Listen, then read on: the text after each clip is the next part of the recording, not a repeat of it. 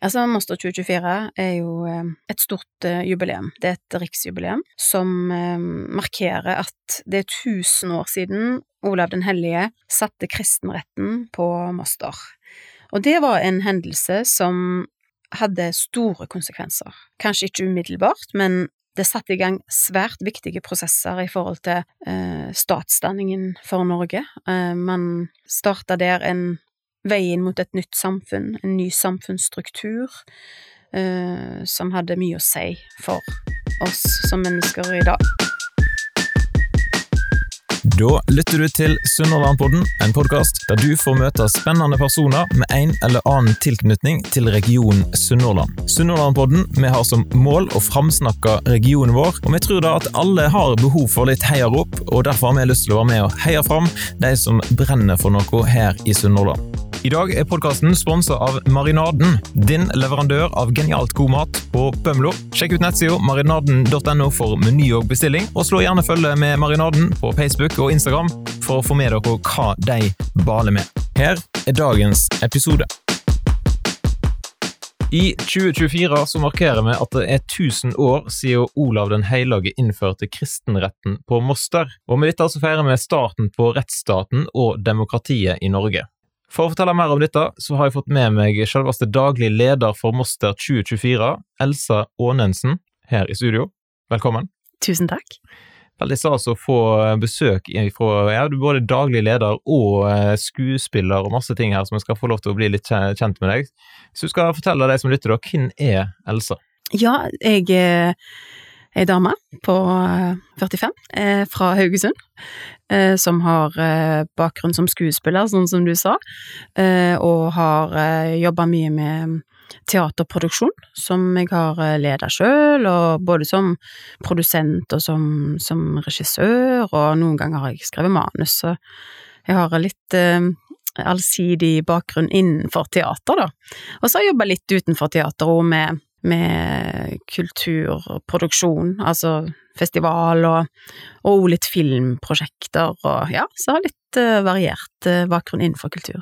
Mye spennende, rett og slett. Hva vil du si at du uh, brenner for? Ja, jeg brenner jo for å skape kunstprosjekter og kulturprosjekter som, som betyr noe for folk, og som har noe eh, å si i dag, og si oss. Jeg syns at kunsten har, kan ha en veldig viktig funksjon i forhold til å lære oss mer å åpne opp rom, åpne opp refleksjonsrom, eh, ja, skape, skape diskusjoner og debatter. Eh, det syns jeg er noe av det fineste med kunst og kultur, at det har den, ja, kan ha den effekten, da. Jeg har lest meg fram til at far din han var hvalfanger, og han var god til å fortelle historier. Hvordan har det preget din barndom? Jo, altså det var jo noe veldig eksotisk der. Jeg hadde en sånn eh, ganske voksen far som var på en måte utvandrer til ikke Amerika, men til Canada, eh, når han var ung, og hadde på en måte migrert eh, før han ombestemte seg etter ganske mange år, eh, og ble henta hjem av en bror. så, så, det har nok eh, prega meg en del, altså at han hadde den derre veldig spennende, eksotiske fortida. Vi fikk jo aldri reist dit sammen, han døde for ganske mange år siden, og jeg har ennå ikke vært i Vancouver, som var liksom hans sted, så det, det må jeg jo gjøre en gang. Ja, hva gjorde han på der borte, da? Ja, nei, Han var jo eh, sesongarbeider da, i, i hvalfangsten, så han var jo lenge ute, og noen, noen, uker på hotell, sånn som jeg har forstått det, og jeg drev nå med litt forskjellig der, og i storbyen, og var ute og koste seg og spilte kort. ja. Sånn er det. Men eh, hva historier fortalte han, da? Ja, det var nok litt røverhistorier om både sjørøvere og forskjellig ut fra sjøen der. Så ja, nei da, det var Nei, litt sånn Pippi, Pippi far, på en måte, bare at han, han var der jo for meg, da. Mm, da, var han, da var han slutta å seile. Sant. Men når uh, tid bestemte du deg for at du skulle bli skuespiller? Og hadde liksom hans historie, hadde det noen påvirkning der, eller var det Ja, det vet jeg ikke helt, men jeg det tenker jo jeg er litt sånn tilfeldig, men så er det kanskje ikke det likevel. Men uh, for nå sier de at jenta mi driver og spiller så mye teater i barnehagen, og det har ikke jeg lært meg, tenker jeg sjøl, da. Kan det være så, genetisk? Ja, kanskje, kanskje, kanskje kan være noe der. At det ja. ligger noe der, liksom.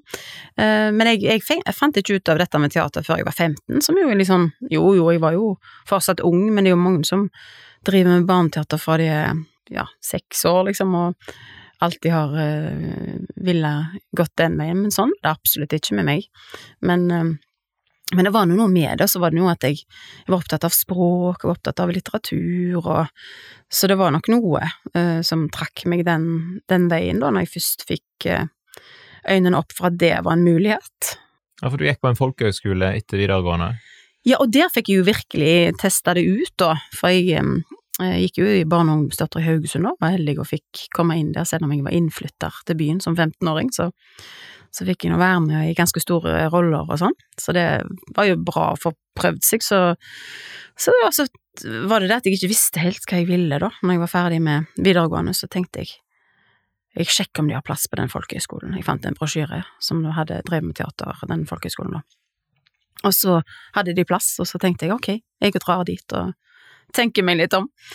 Eh, og så fikk jeg jo prøve veldig mye forskjellig, både dans, og der var det jo sangundervisning, og jeg gikk på Solbakken også, en sånn skole som hadde revy som eh, fag. Altså sånn hele skolen var en sånn revyskole, Men det var mye, mye, mye forskjellig inn i det, da. Sånn, ja, dette med både ja, ulike typer dans. Jeg fikk prøve meg på steppdans og streetdance og, eh, og sang. Forskjellige sjanger sang, og det, det var egentlig veldig bra år. Og, og litteraturen fikk skrive litt sjøl, og lage sketsjer og skrive, ja, korte sekvenser, så det så det var ganske eh, nyttig for meg, da, og, og, jeg ble ganske sånn seriøs når jeg var der og liksom ville bruke den tida til å finne ut av dette her, da. Og så, mens jeg gikk der, så, så dukka det jo opp denne her skolen som jeg søkte på, da, som var helt ny, som var Liverpool Institute for Performing Arts, som skulle starte året etterpå.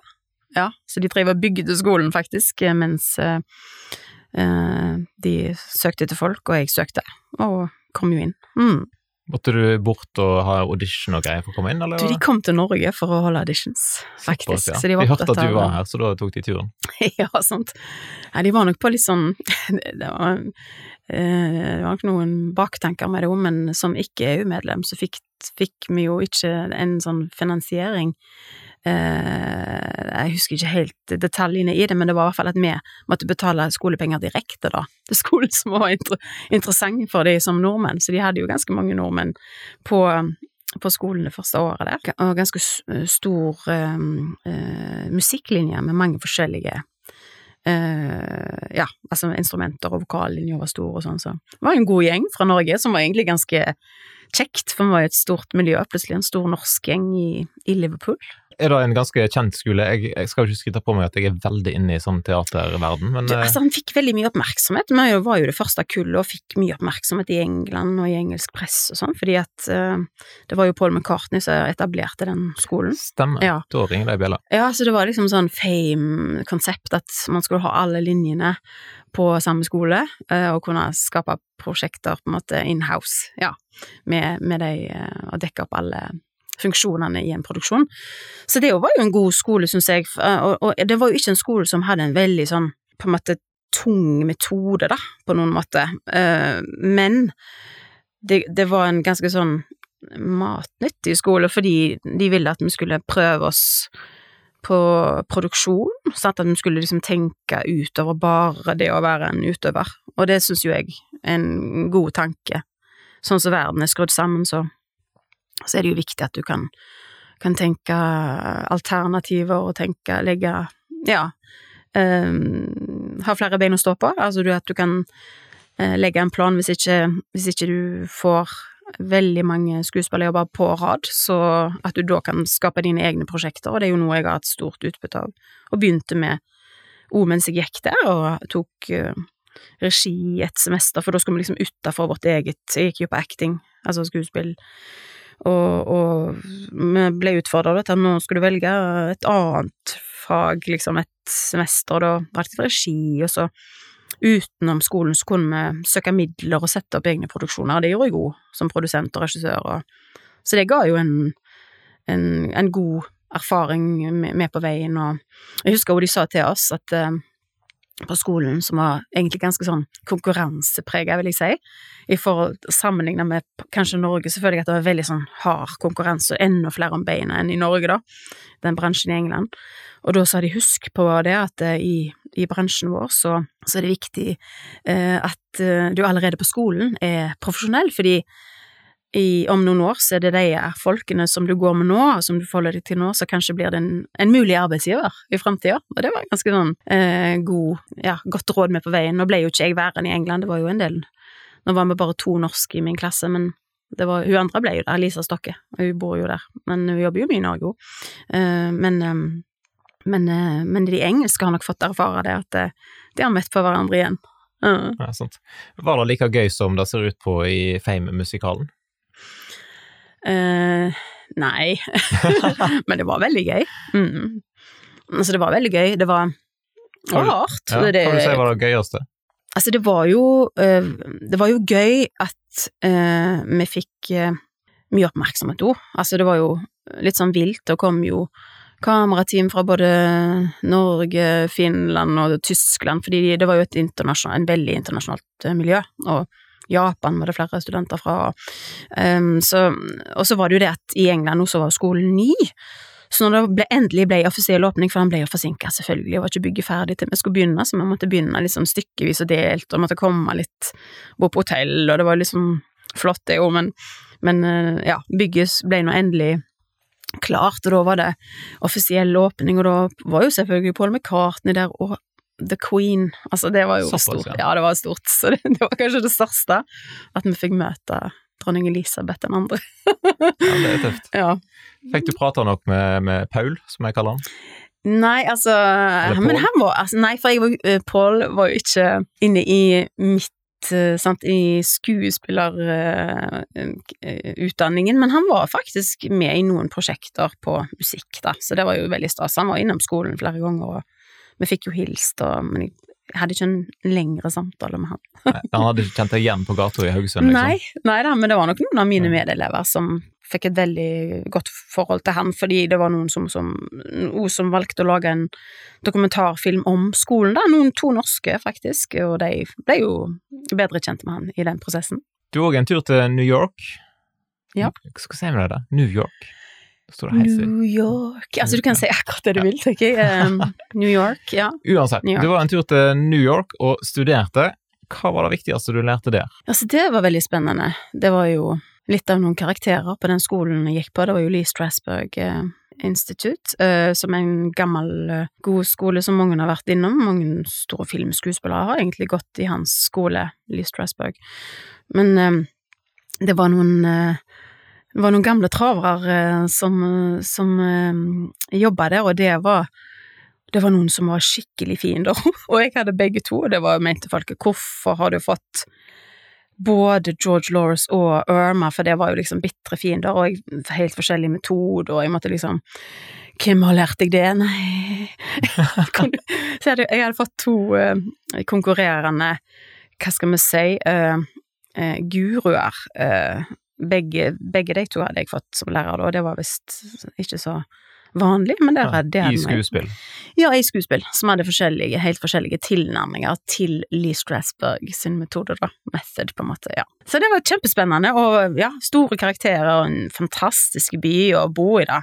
Det var jo eh, et høstsemester jeg tok da, så det var, ja, alle årstider, holdt jeg på å si. Det var liksom fra sommer til vinters, skikkelig vinterstorm der i, i, i gatene på Manhattan, og, og den pulsen til den byen, det, det, er fascinerende. Så det er en sånn puls som du bare glir inn i, som på en måte tar deg, ja. Um, ja for hvordan føles det når du kommer fra på en måte lille Norge også til en så stor by? Ja, nei, det var overveldende. Det var, det var første gang jeg kom dit, når jeg skulle bo der da i de tre og en halv måned, eller hva det var.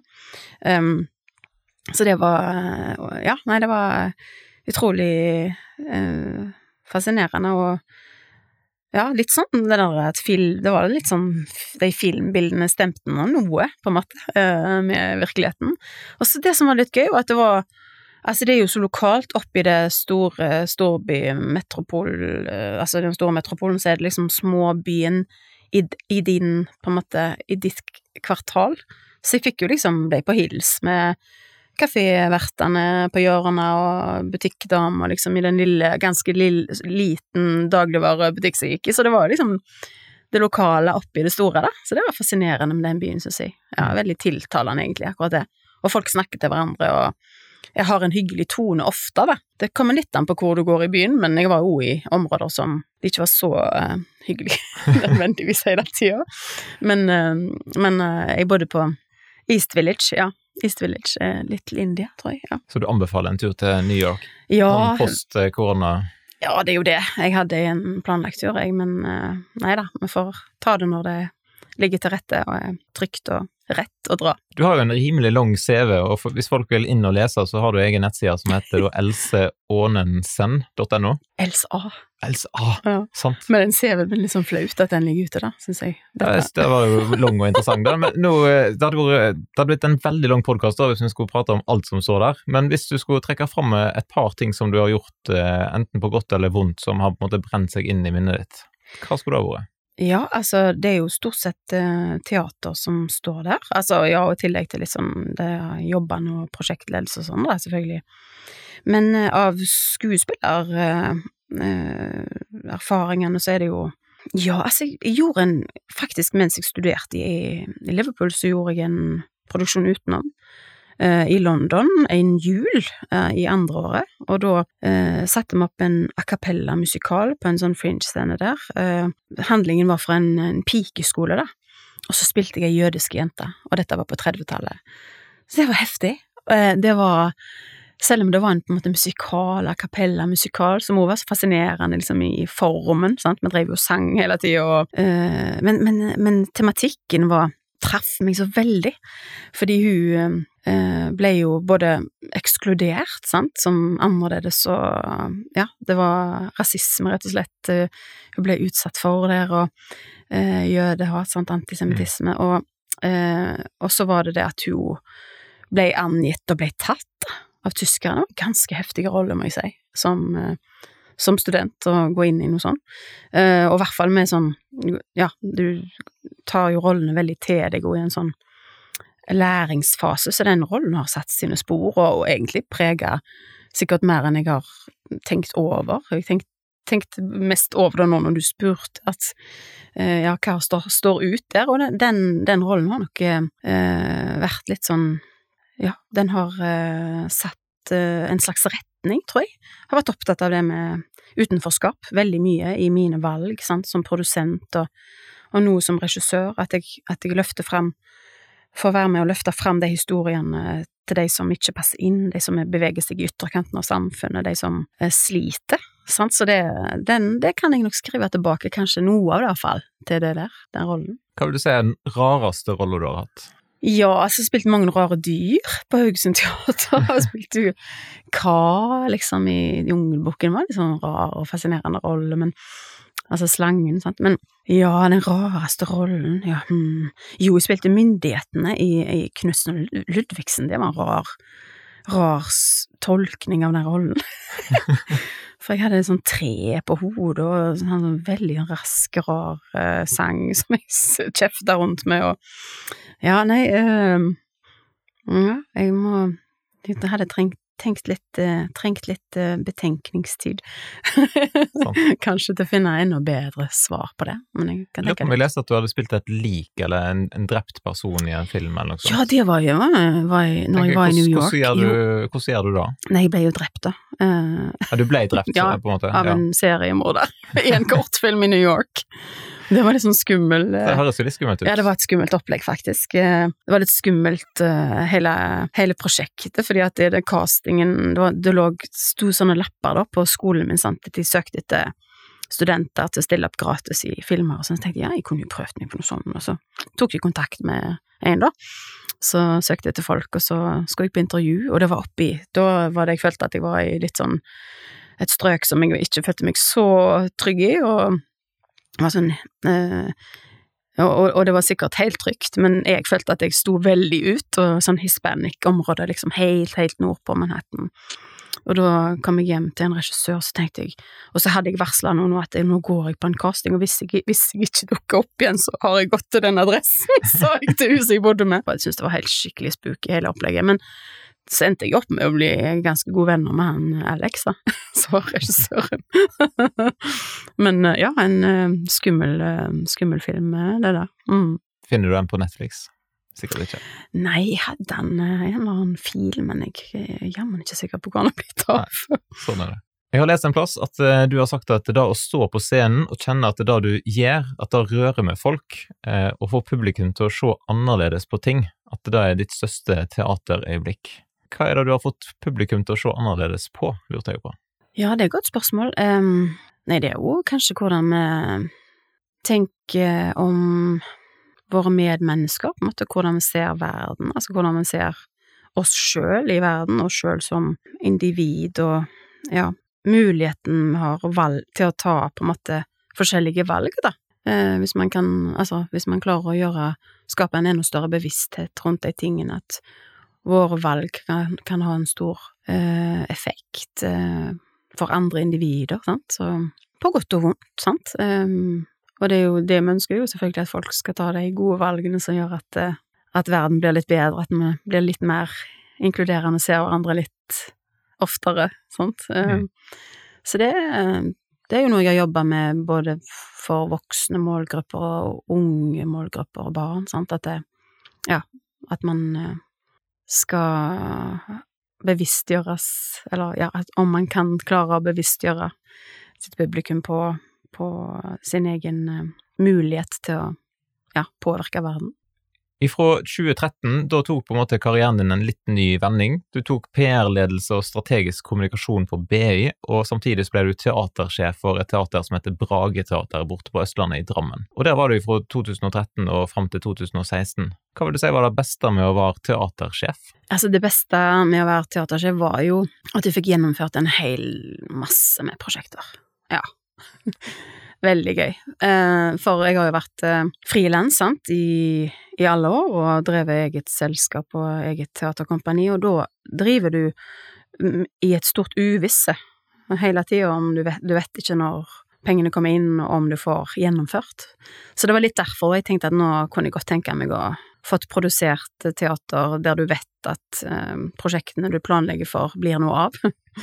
Så det var veldig kjekt. Og ja, den, eh, med den oppgaven som eh, teatersjef for Bragetøtter, så var det òg vedtatt at nå skulle det teateret utvides til å være teater for hele fylket, altså for et voksent publikum, som skulle skape forestillinger for det åpne markedet, i tillegg til å skape de gode barne- og ungdomsproduksjonene som de hadde gjort i, i mange år, men man skulle ja, i større grad eh, være et eh, teater for, for alle, da. Mm, hele Mm. befolkningen.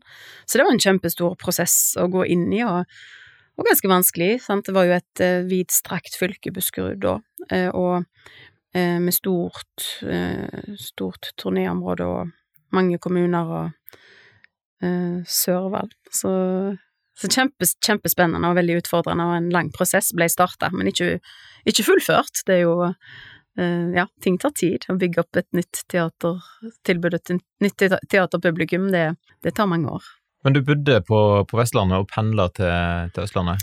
Ja, det stemmer. Det var sånn at jeg hadde akkurat arva et hus, jeg, i Haugesund, som jeg eh, ikke hadde lyst til å gi slipp på. Jeg hadde starta et stort renoveringsprosjekt, og eh, Men så var det den jobben også jeg søkte på, så jeg var jo helt åpen om det når jeg søkte til, eh, til Drammen, eller Brageteatret, at jeg, jeg kom til å satse på ukependling, og det og det gjorde jeg da, men det var nok med den perioden. Det var på en måte et ganske travelt liv, da, å være ukependler og ja, leder og Og student samtidig litt i starten. ja da, i det første året så gikk jeg jo for en, uh, en uh, videreutdanning ved siden av henne, så det var jo et veldig travelt år. Men ganske berikende det òg, da, for Og så var det jo det at det hadde en del ledelsesteori i faget som var jo nyttig når jeg skulle inn i en sånn litt større lederjobb enn jeg hadde hatt før. Fra 2016 da, så var det mer eh, For du har et firma, eller ikke et firma, du har et eh, kompani som heter Scenekraft. Mm. Du må fortelle litt om hva er Scenekraft for noe, og hvordan har det vært med å prege deg som, som scenekunstner? Ja, det har vært ganske viktig, det eh, kompaniet der. Eh, vi etablerte det i Ja, det, det var i eh, 2009. Jeg og, og en gjeng med kollegaer som var alle tilknytta Haugesund Teater i forskjellige ja, fagfelt. At det var både skuespillere og uh, musikere, komponister og, og, teknisk uh, ja, teknisk personale, som gikk sammen om å starte noe eget. Vi hadde lyst til å uh, lage teaterproduksjon som, som, akkurat det som vi mente var Ja, eller akkurat det som vi drømte om, på en måte, å gjøre. Så da satsa vi ganske sånn i en ganske kort prosess, så tenkte vi at vi kjører på og setter i gang og lager store forestillinger, og det begynte vi med veldig fort, som sagt, og valgte da en, en stor og fin musikal, Kabaret, som jo har et, eh, et bra, en bra tematikk, sant, som, og god musikk, og ja, det, det passet oss alle. Og så, eh, så gjorde vi den, etter noen få måneder bare, og det er jo et stort løft i teater altså teaterbransjen og i Teater-Norge så, så, opererer man som regel med en treårs planleggingstid, ofte. I store produksjoner, i alle fall. Eh, med mindre produksjoner så er det litt lettere, men, men, det var jo en stor produksjon, det her.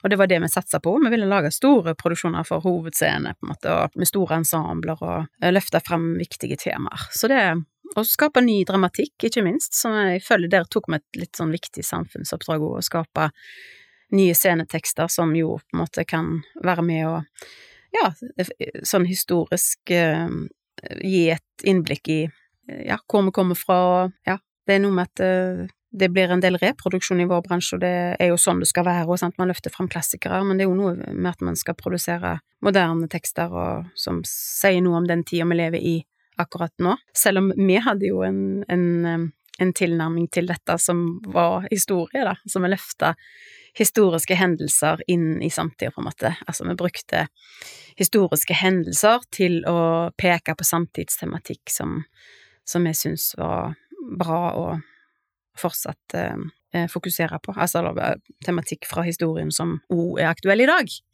Ja, mente jeg å si. Så etter hvert eh, så dukker det opp en eh, stilling på Moster.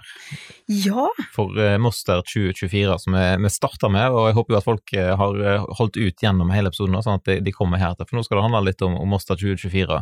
For du søkte rett og slett på den jobben i 2019. Mm. Hvorfor i all verden hadde du lyst til å jobbe for Moster 2024?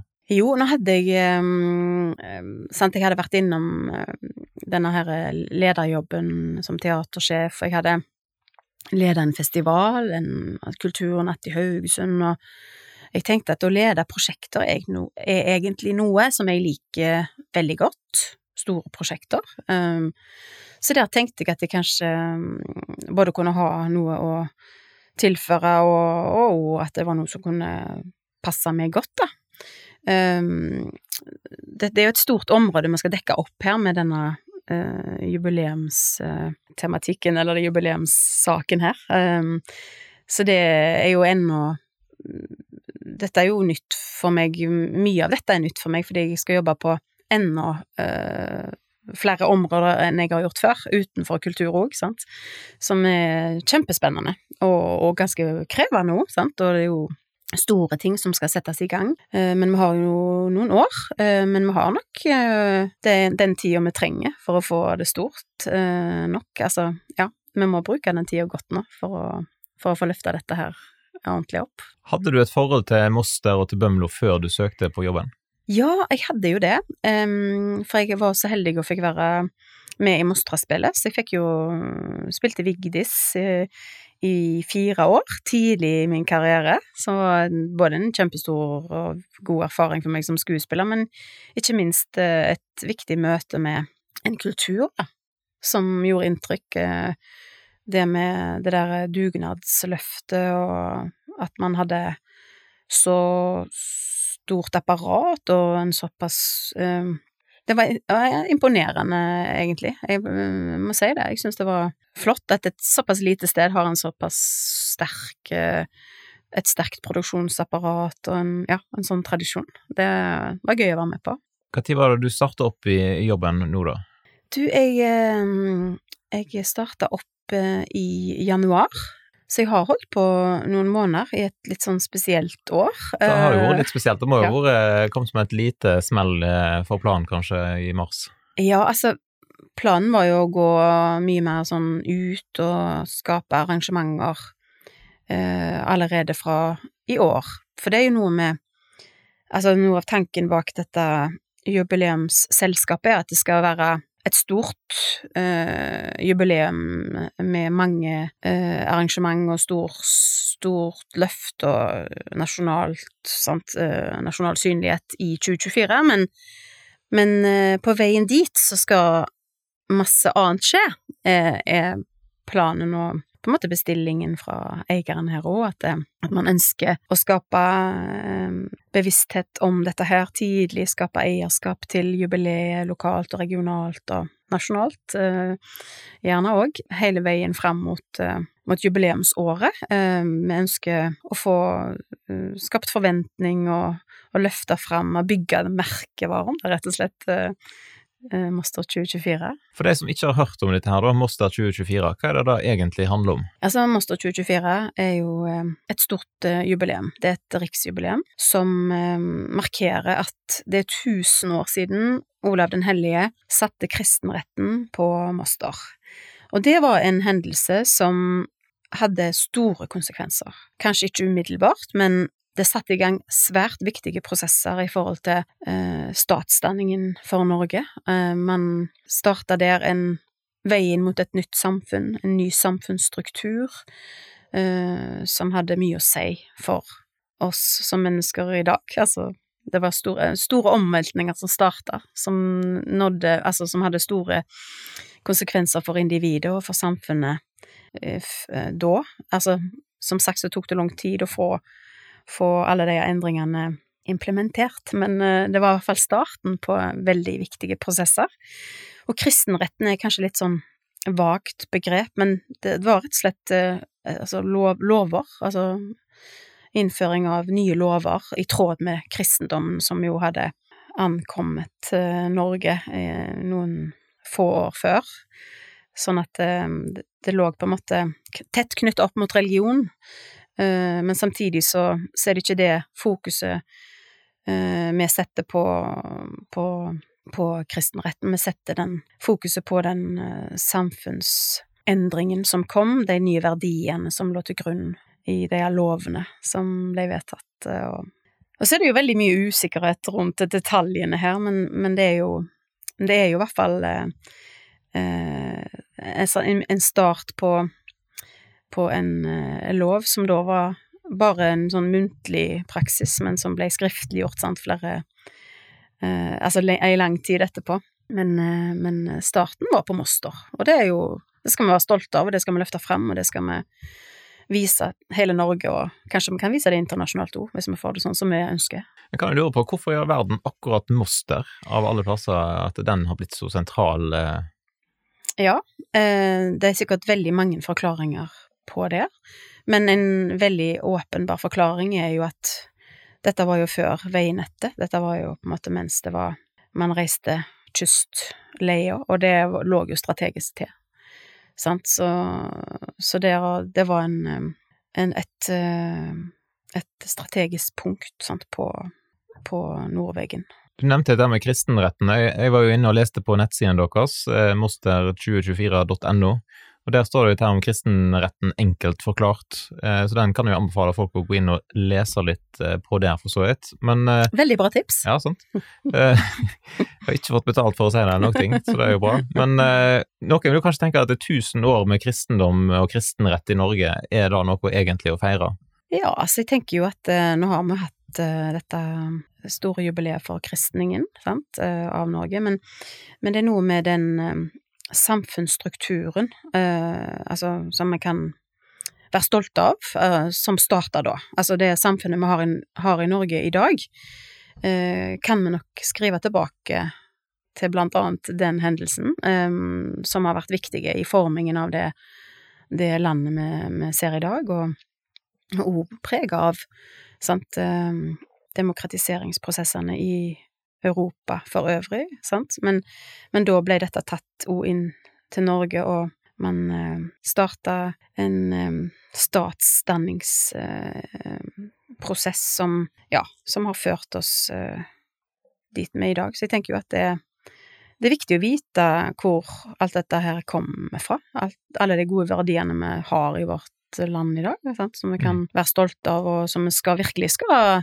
holde fast på òg i ganske krevende tider i verden, ut, der man utfordrer demokratiet på ulike vis og i ulike deler av verden, som er ganske sånn overraskende og, og alarmerende. Så, så er det viktig å være bevisst på den veien som er gått opp før oss, og hvor viktig den er, da. Så det er jo noe av oppgaven til jubileet, tenker jeg, og, og, og, det er noe av bestillingen for hele eh, jubileumsselskapet, å nettopp peke på de verdiene vi har i samfunnet vårt, og òg skape en samtale om hvor er det veien går videre for det landet vi har nå.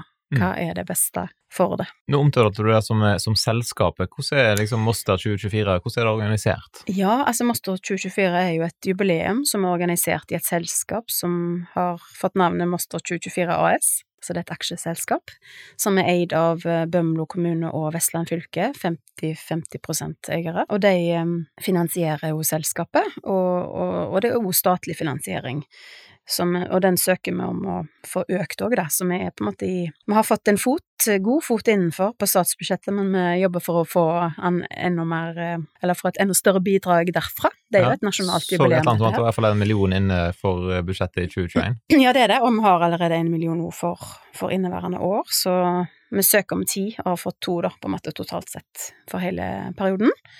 Uh, og når det gjelder finansiering, så tenker vi jo at vi skal Eh, skaffe enda mer finansiering gjennom eksterne eh, midler og i, i, gjennom prosjekter og samarbeid og ja, samarbeid med andre kulturaktører, næringsliv osv.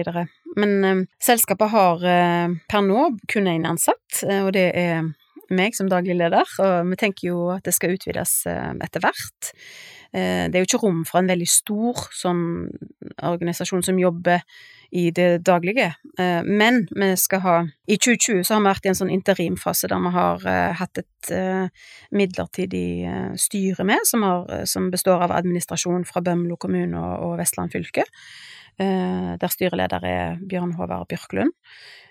og nå er det rett før vi får en formalisering av selskapet og et endelig styre på plass som er politisk oppnevnt. Så det blir veldig fint å få den endelige strukturen nå eh, opp og gå, og da skal vi òg få eh, noen organer eh, satt Eller nå skal vi få, eh, etablere noen organer som skal være eh, med i jubileumsarbeidet, og det er blant annet en hovedkomité som blir en viktig en viktig del av um, styrets um, Eller så blir det et viktig um, rådgivende organ for styret, og så skal vi ha arbeidskomiteer til å dekke opp de forskjellige områdene som vi skal jobbe på da med jubileet, for det er jo mange sant, Med et jubileum sånn, som vi har på trappene snart, så er det jo Vi skal skape mye. Vi skal skape selvfølgelig kunst-kulturprosjekter, er jo det første jeg tenker på, men det er jo en hel andre områder som òg eh, vi skal tenke over. Sant? Vi skal jo, ja, denne samfunnsdebatten, vi skal skape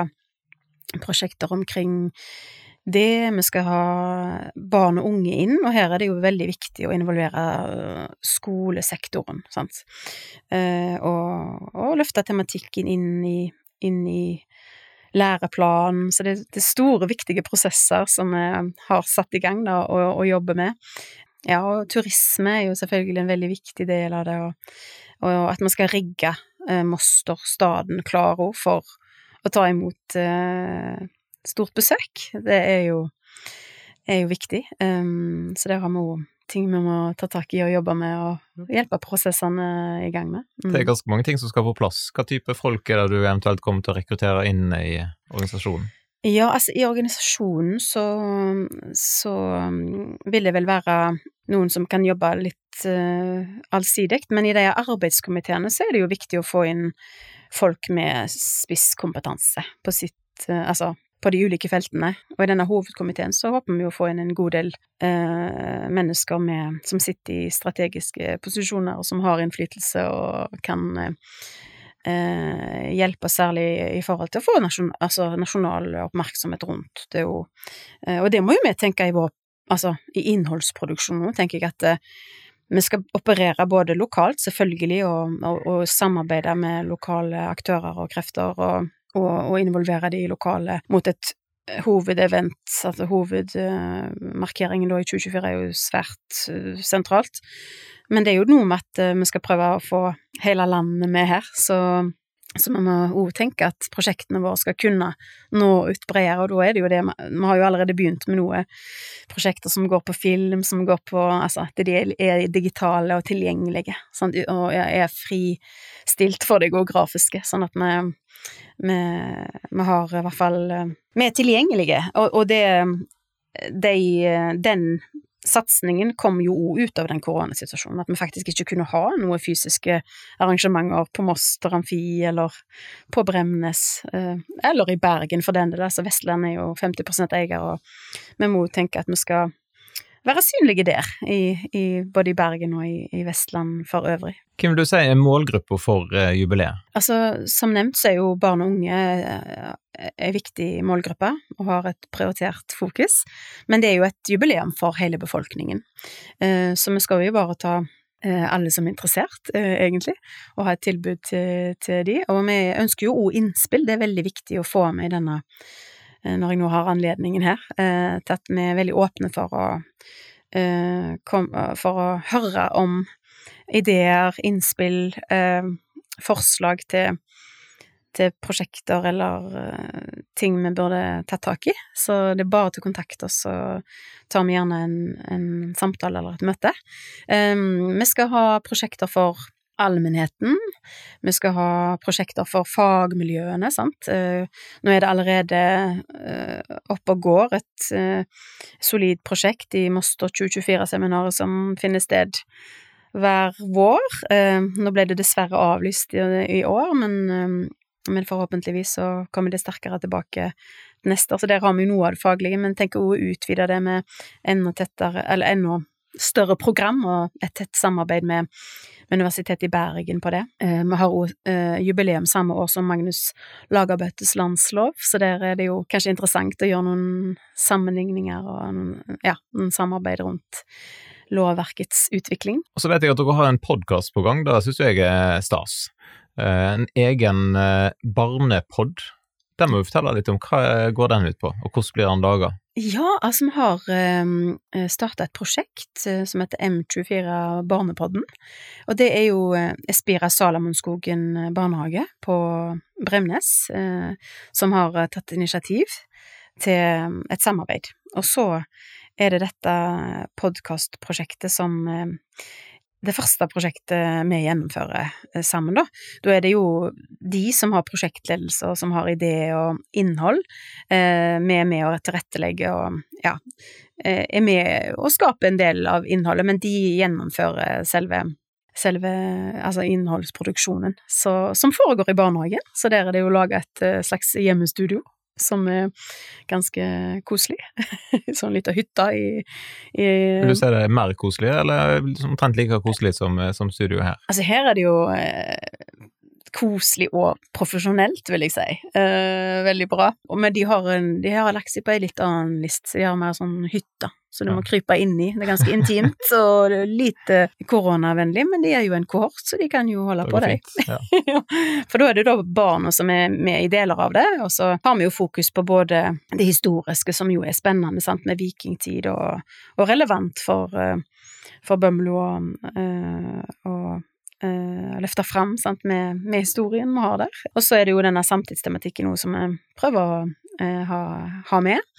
Uh, altså det blir veldig spennende. Har, vi har jobba med det nå i høst, og nå er det rett før uh, vi skal ut med det i til verden, og vi håper jo at det kan bli et prosjekt som kan få et stort nedslagsfelt. Sant? Vi har jo eh, muligheten til det, i og med at det ligger digitalt og blir tilgjengelig sant, på, gjennom hjemmesidene våre. Så, så, vi håper at det kan bli et prosjekt som kan bli brukt av ja, småskole og barnehage, men òg i heimen. Og vi har jo ønsker jo å legge opp til interaktivitet, sånn at det, eh, i den grad man kan være interaktiv, sant, så, så i en podkast så legger vi opp til at det skal være pauser, at det skal være oppgaver underveis, og ja, at man kan um, aktivisere, i alle fall. Og at vi òg vil høre på tilbakemeldinger, og kanskje få uh, spilt tilbake gjennomførte uh, prosjekter som som jeg kan um, vise frem gjennom våre kanaler, hvis det er noen som har skapt en, et kunstverk eh, ut av um, tematikken vi løfter frem, så kan vi igjen vise det frem til andre. Så jeg håper vi kan få et sånt godt samspill med mange barnehager der. Når vil du si at den podkasten sannsynligvis kommer ut? Altså, det er rett rundt hjørnet, men vi har liksom Vi har brukt uh, tida godt og har benytta anledningen til å kna den litt, siden det ikke er en sånn definert uh, premiere som vi må nå. Men uh, vi har jo Han kommer før jul, og, og ja da, og vi, vi har jo en sesong vi skal gjennomføre, tenkte vi, i løpet av dette barnehage- og skoleåret, da. Ja, for det var åtte episoder som skulle lages, sånn ja, det, cirka? Eller? Sånn cirka åtte er det vi har tenkt. Ja, vi har tenkt én i måneden, så har tida gått litt, og så Men eh, ja. Ja det, da blir det veldig spennende å høre, for når ja. den kommer ut, den må folk eh, få med seg. Hvis folk har lyst til å følge med da, for Moster 2024 framover, hvor er det best å følge med? Ja, vi har jo eh, eh skapt oss noen eh, kanaler der i de sosiale mediene, med Facebook og Instagram, og nå har vi òg gått på Snapchat. Um, Oi, såpass. Ja, ja. ja, Gjennom eh, noen dyktige unge menn som jobber for oss, så det er veldig kjekt. Um, noen som går på Bremnes videregående, som ja, har blitt engasjert der. Eh, og så har vi jo hjemmesidene, som på en måte blir en, en plattform, for der, vi jo, der vil jo podkastene ligge, og der ligger jo denne tidslinja vår, som har, det er et prosjekt vi har lagt litt i. Um, et prosjekt som heter Tidsreisa, som er ei digital tidslinje som kan uh, oppsøkes, og det skal være på en måte en lavterskelopplevelse av historien, da, og sette denne historiske hendingen vår i uh, 1024 i en større kontekst, og at du kan se sammenhengene på en måte mellom mellom den og, og resten av Norge. Um, og der skal vi utvide og skape hele historien fram til 2024.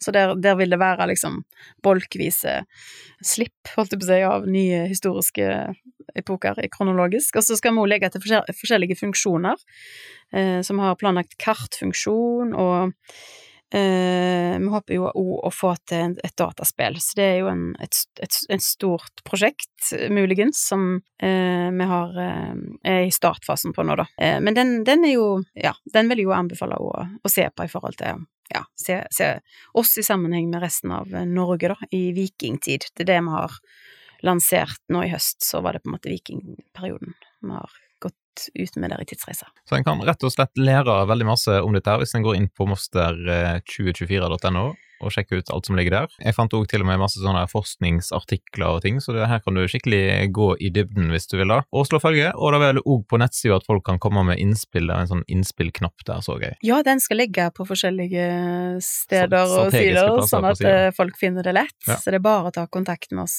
på den ene eller den andre måten. Og til og med en nyhetsbrevfunksjon, så jeg.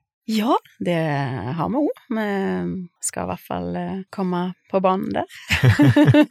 så der skjer det noe. Mm -hmm. yes, nei, men Supert. Jeg tror bare vi sier lykke til, rett og slett, med alt som du skal gjøre. Jeg tenkte jo litt på, Du snakket om, eh, om far din som sånn Pippi-pappa, og Pippi hun sa jo et eller annet om at dette har ikke jeg gjort før, så det går helt sikkert fint. Mm -hmm. Og du har ikke arrangert eh, Mossa 2024 sjøl, så det går helt sikkert veldig bra. Det er mitt motto fra nå av, takk. Ja. yes, nei, men lykke til. Jeg håper at, at dere som lytter har lyst til å, å slå følge med Moster 2024, og være med og sette deres preg på den feiringen. Tusen takk for at jeg fikk komme.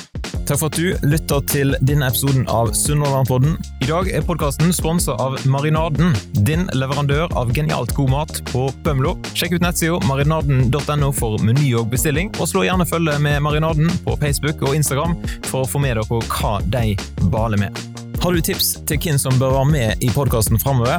Ja, da er det verdt å ta kontakt. Du finner Sunnhordlandpodden både på Facebook og på Instagram. Ja, eller du kan til og med sende en e-post til kjetil.lekenelett.nett. For denne podkasten den er nemlig produsert av Kjetil Fyllingen.